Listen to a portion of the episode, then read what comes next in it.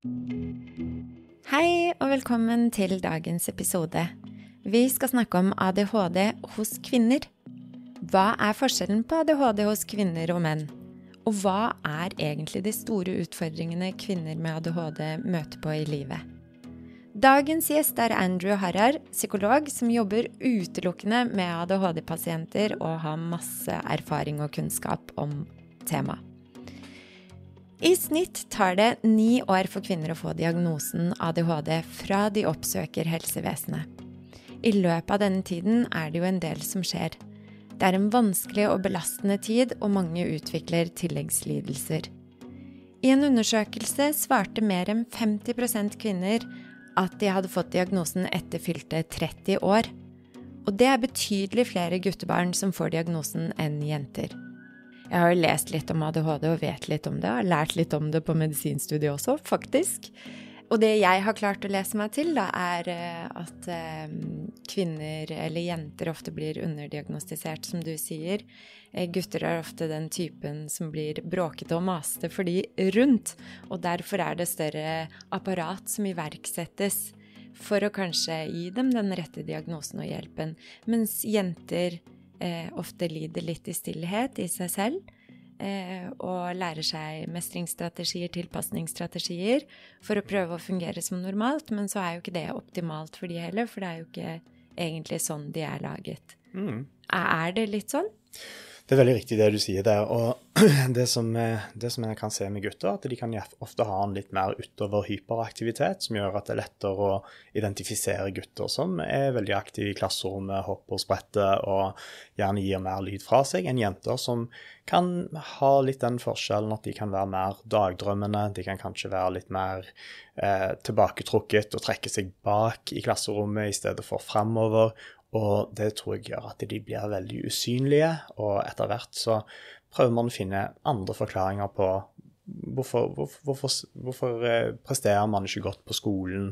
Så, så jeg tror at det som eh, eh, Det som er veldig uheldig, er jo da at eh, jenter blir litt sånn i bakgrunnen i hele denne prosessen med å plukke, bli plukket opp tidlig da på barneskolen og ungdomsskolen.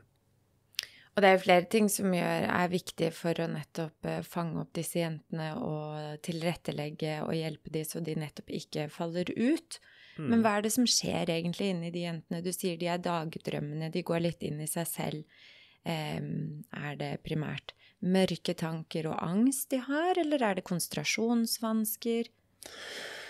Eh, først og fremst tenker man si at det er konsentrasjonsvansker, at de ofte har vansker med å følge med på det som foregår i klasserommet, og det kan kanskje være kjedelig, så man kan jo da ende opp med å dagdrømme en hel del mer, sitte og kikke ut av vinduet, eh, på en måte bli litt avskrudd. Eh, tanken kan kanskje flyte mer på, på ting som er ja, gøyale, som skal skje etter skolen, eh, og alt dette her da eh, blir sikkert litt vanskelig å plukke opp når man, når man, når man sitter bak i klasserommet og, og, har det sånn som det der, i stedet for at man er veldig aktiv og spretter med beina og fikler og prater med sidemannen osv.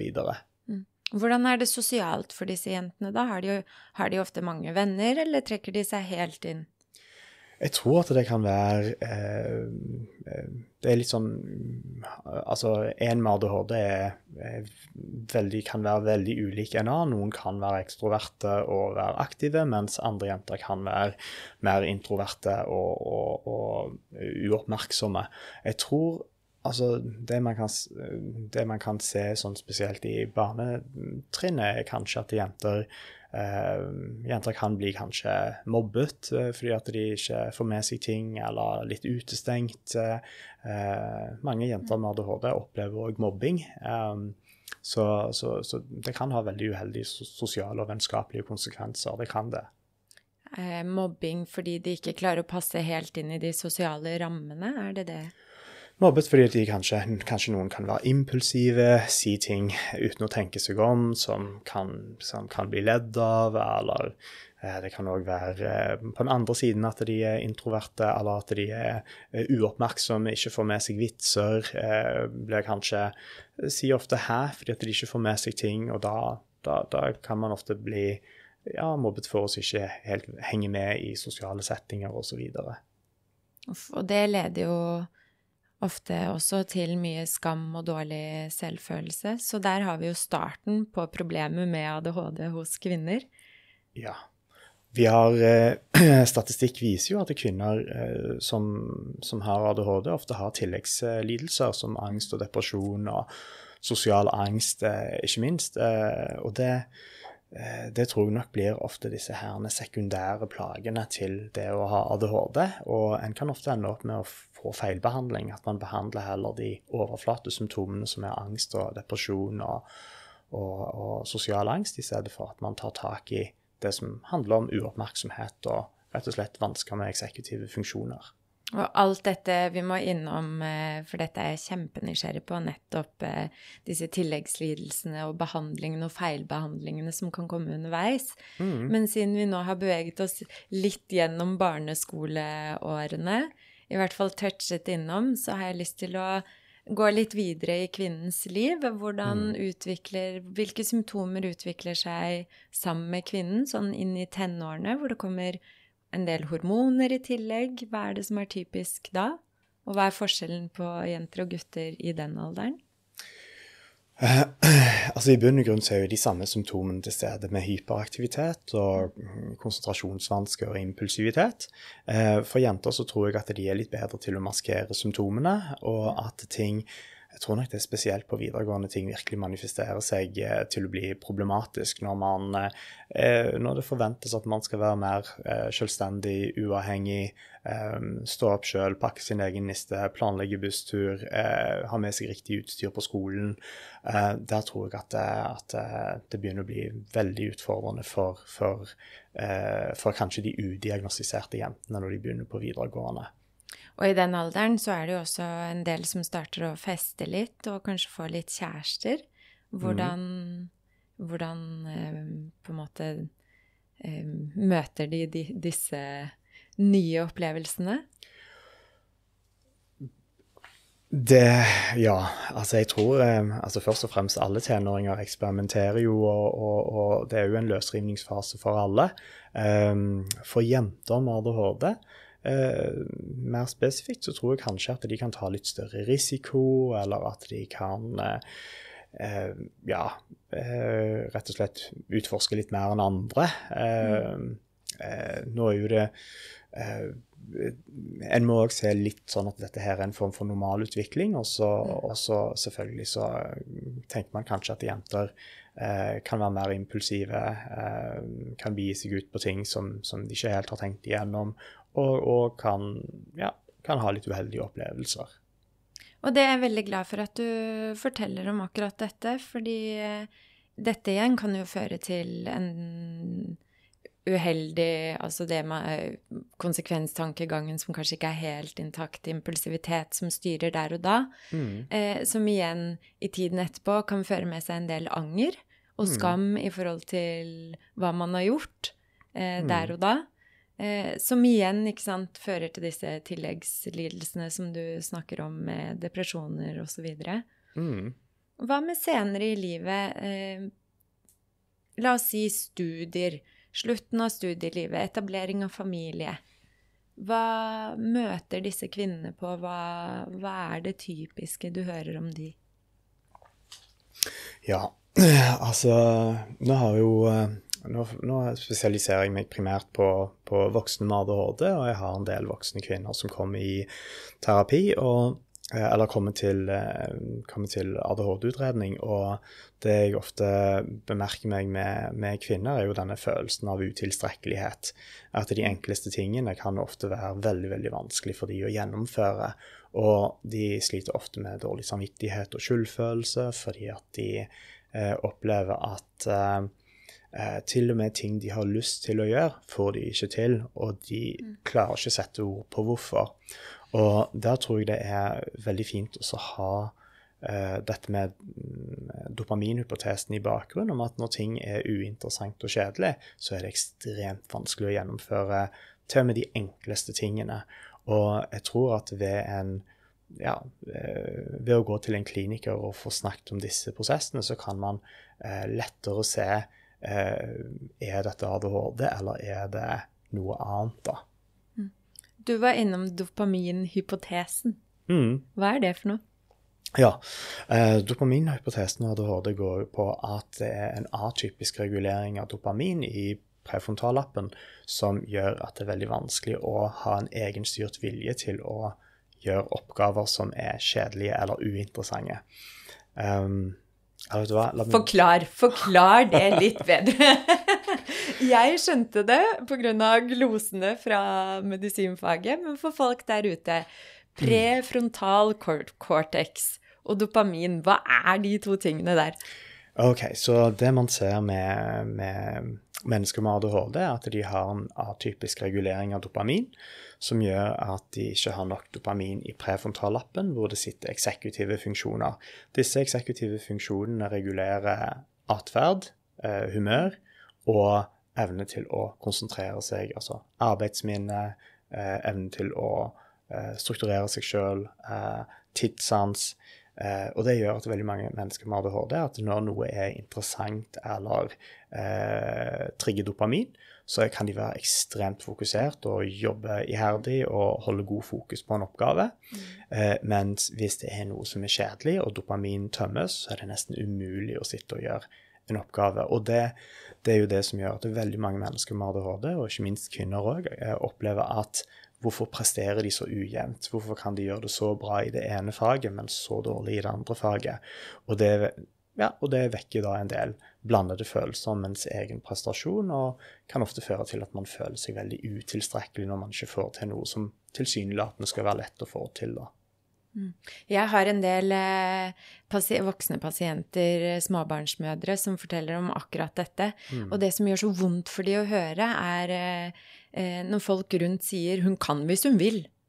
Mm. Og det går jo nettopp på det du sier, at eh, hvis de kjenner at de får dette belønningssenteret, og den motivasjonen sitter der, så gjør de det så sinnssykt bra også.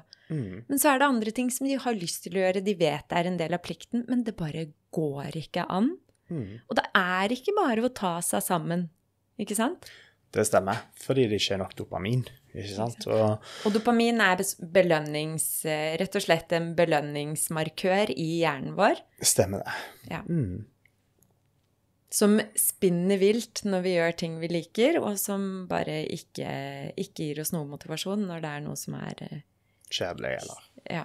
Eller som krever lang, oppmerksomhet over tid, da, som, Mm. som blir, er veldig vanskelig med de med ADHD. Mm. Flere, flere av de kvinnene jeg har snakket om eh, med, eh, forteller at de fikk eh, ADHD-diagnosen sin et, først etter at barna hadde fått eh, diagnose. Mm. Er det sånn at det er genetisk? Ja, det er det. Det er veldig høy korrelasjon eh, akkurat på genetikk. Sånn at eh, det, er, det er veldig arvelig. Og, og en ser jo veldig ofte at eh, foreldre oppsøker gjerne eh, en utredning, en ADHD-utredning etter at barnet har blitt diagnostisert, fordi de har rett og slett gått gjennom en grundig utredning og sett at oi, disse symptomene her hadde jeg òg da jeg var barn.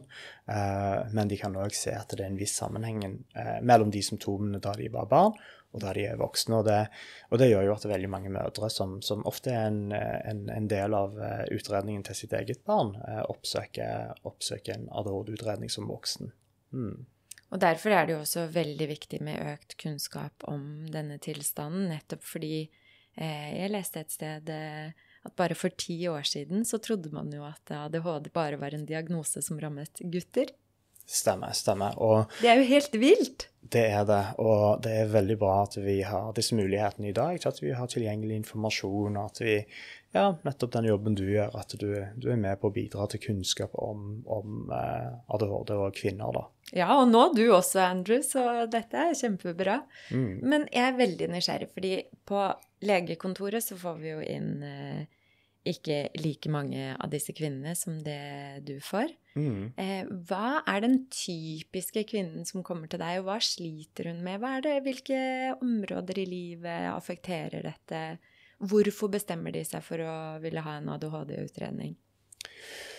Eh, De fleste som kommer til meg nå, har, har, eh, har ofte fått en, blitt mer orientert om, om eh, ja, kunnskap rundt ADHD og kvinner, og de ser at de kan kjenne seg igjen i en del av symptomene.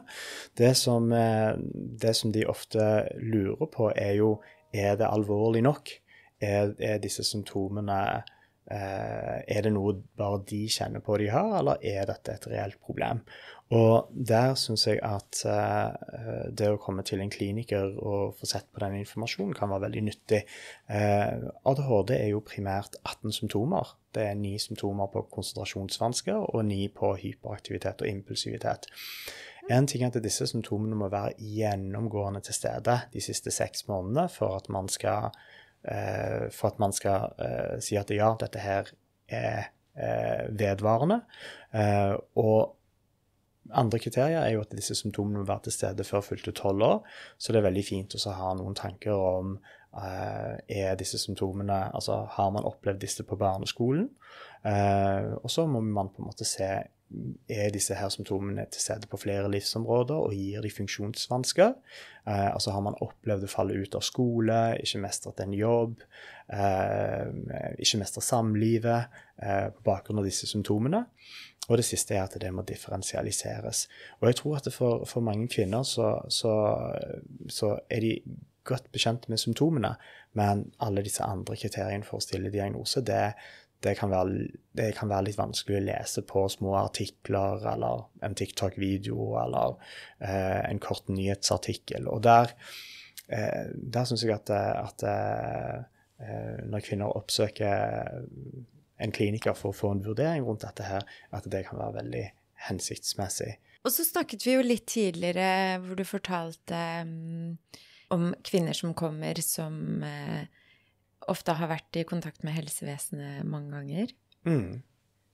Eh, hvilke, og hvilke forklaringer har de ofte da fått av eh, leger eller familie på de plagene de presenterer? Det som eh, Altså eh, Ja. Jeg opplever ofte at eh, når kvinner kommer til mitt kontor for å få en vurdering rundt ADHD, så har de ofte blitt avvist, eller at symptomer ofte har blitt bortforklart med noe annet. Og, eller at man har fått en henvisning, men har blitt avvist uten noe nærmere forklaring på hva, hva årsaken er. Og uh, mye av avvisningene skjer jo pga. dette med funksjonsvansker. Altså det fremkommer ikke godt nok.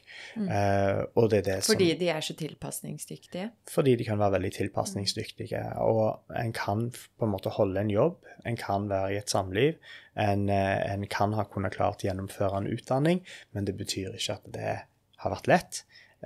og derfor så er det, ja, igjen i forhold til Eh, ADHD-symptomer. Det er ikke bare det man må eh, få en grundig kartlegging av, men òg hvor, hvor, store vansker eh, opplever de på ulike livsområder som følge av symptomene.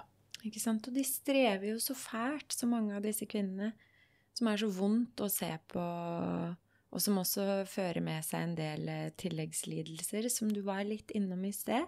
Mm. Blant annet angst, depresjon. Man ser også at selvskading er mye høyere hos kvinner med ADHD. Mm. Så de går og bærer på denne smerten inni seg, og det fører til uh, nettopp eh, utvikling av tilleggsdiagnoser osv. Men mm. samtidig ADHD-diagnosen mm. med denne impulsiviteten, litt høyt og lavt, kan jo også blandes inn i andre diagnoser, som bl.a. bipolaritet. Mm. Uh, og mange har spurt meg hva er egentlig forskjellen på ADHD og bipolaritet. Har du et svar der? Oh, et veldig interessant spørsmål, og da er vi inne på dette med differensialdiagnostikk. og Det tror jeg vi kan egentlig snakke en del timer om. Eh, når det kommer til ADHD, så er det veldig viktig å skille ADHD fra andre psykiatriske lidelser. Og det kan være en ganske, ganske kompleks prosess. Eh, det er en ADHD-diagnose er ikke en diagnose hvor man finner symptomer og stiller diagnosen. Det er òg en diagnose som man må differensialisere fra alt annet.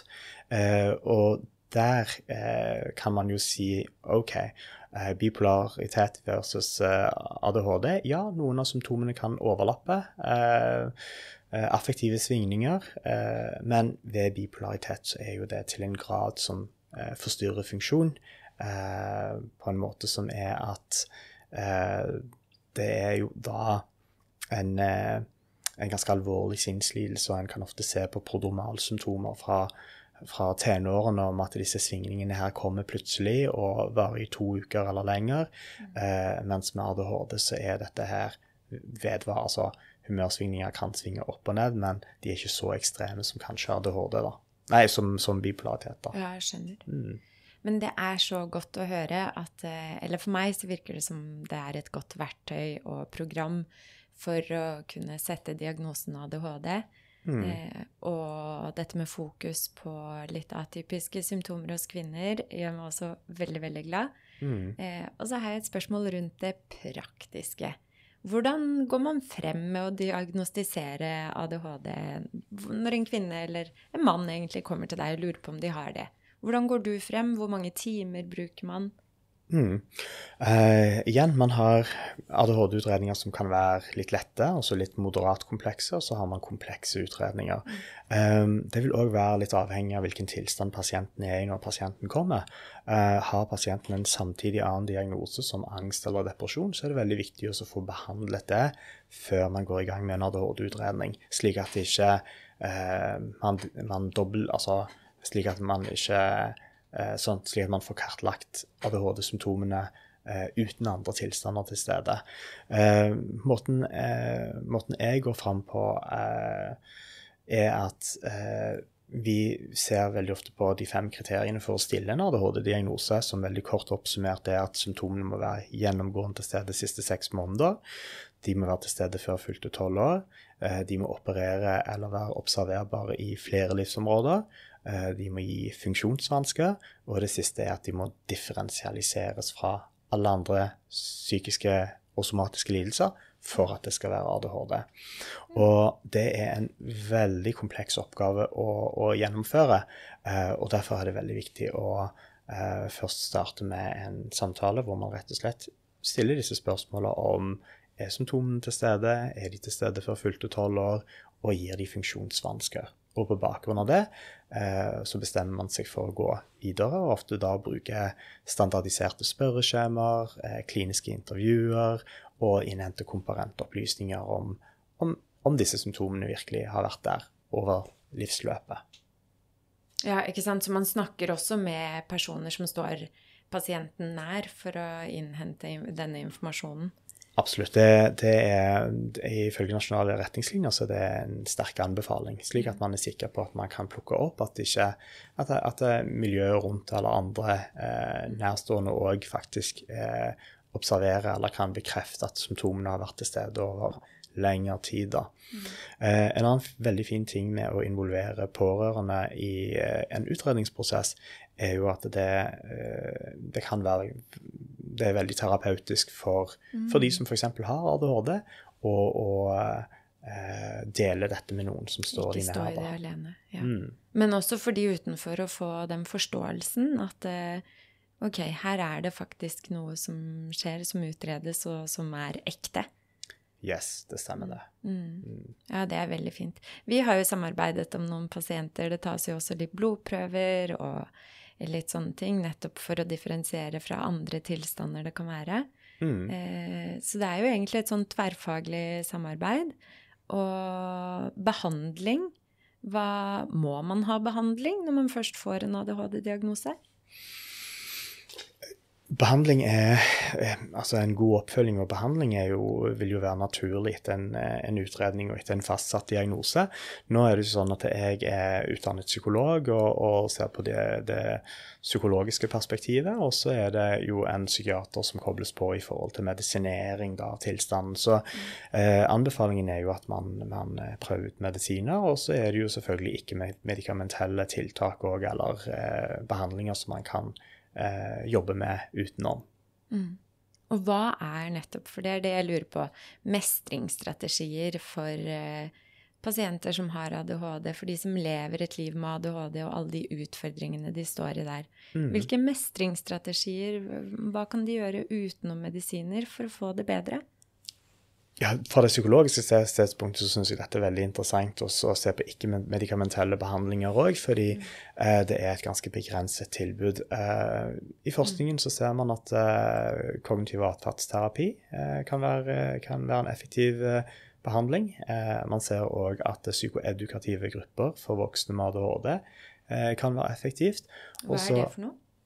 At man eh, gjennomfører et eh, kurs sammen med pårørende, hvor man får opplysninger om altså en edukasjon om diagnosen, hva det er, eh, hvilke typer behandlinger som finnes. Og så jobber òg ikke minst med søvn og kosthold og eventuelt andre plager som depresjon og angst da, med, sammen med ADHD.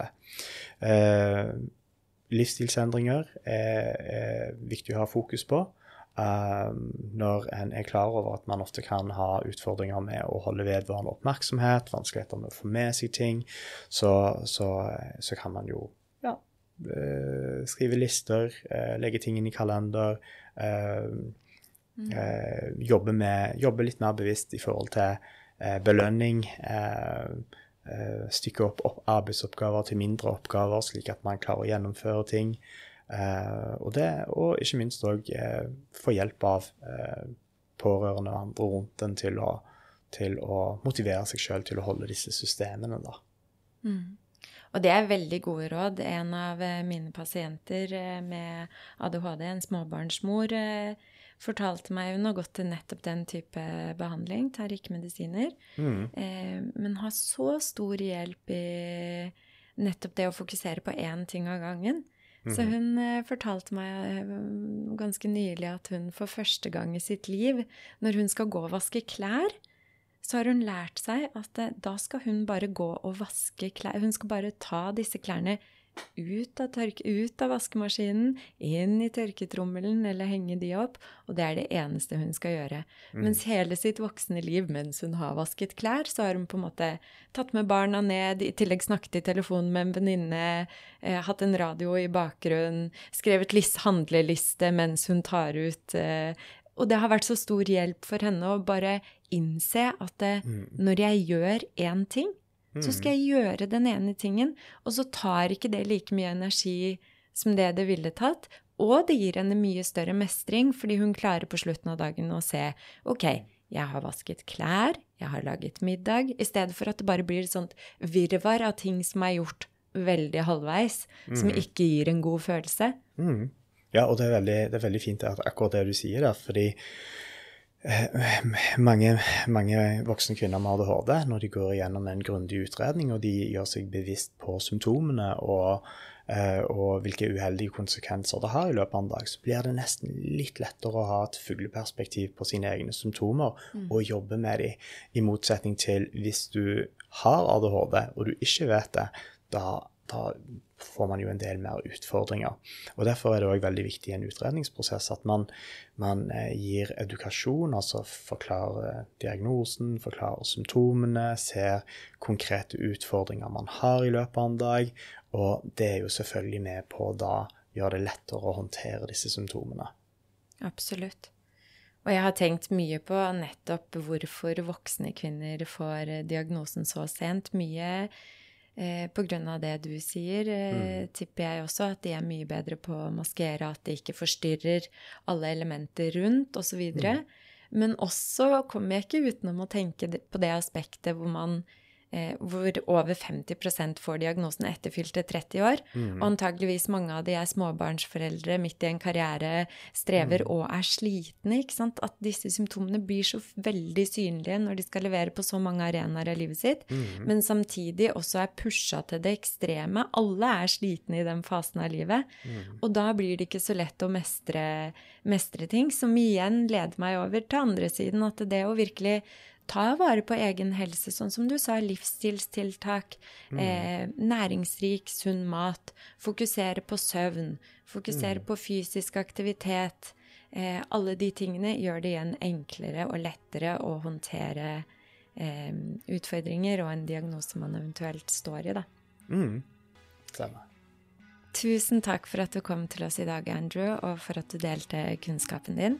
Mm. Tusen takk for at du ville invitere meg og, og snakke om et så viktig tema som ADHD og kvinner. Og så har jeg bare lyst til å avrunde denne episoden med å si at det å få rett diagnose gjør at problemet får et navn og en forklaring, og man får rett til tilrettelegging og behandling. Det å bli sett og tatt på alvor er jo en stor hjelp i seg selv. Og folkens, nå tar vi faktisk eh, en liten ferie. Håper dere der ute får en ferie også, og at vi høres igjen på andre siden. Vi er tilbake i starten av august. God sommer!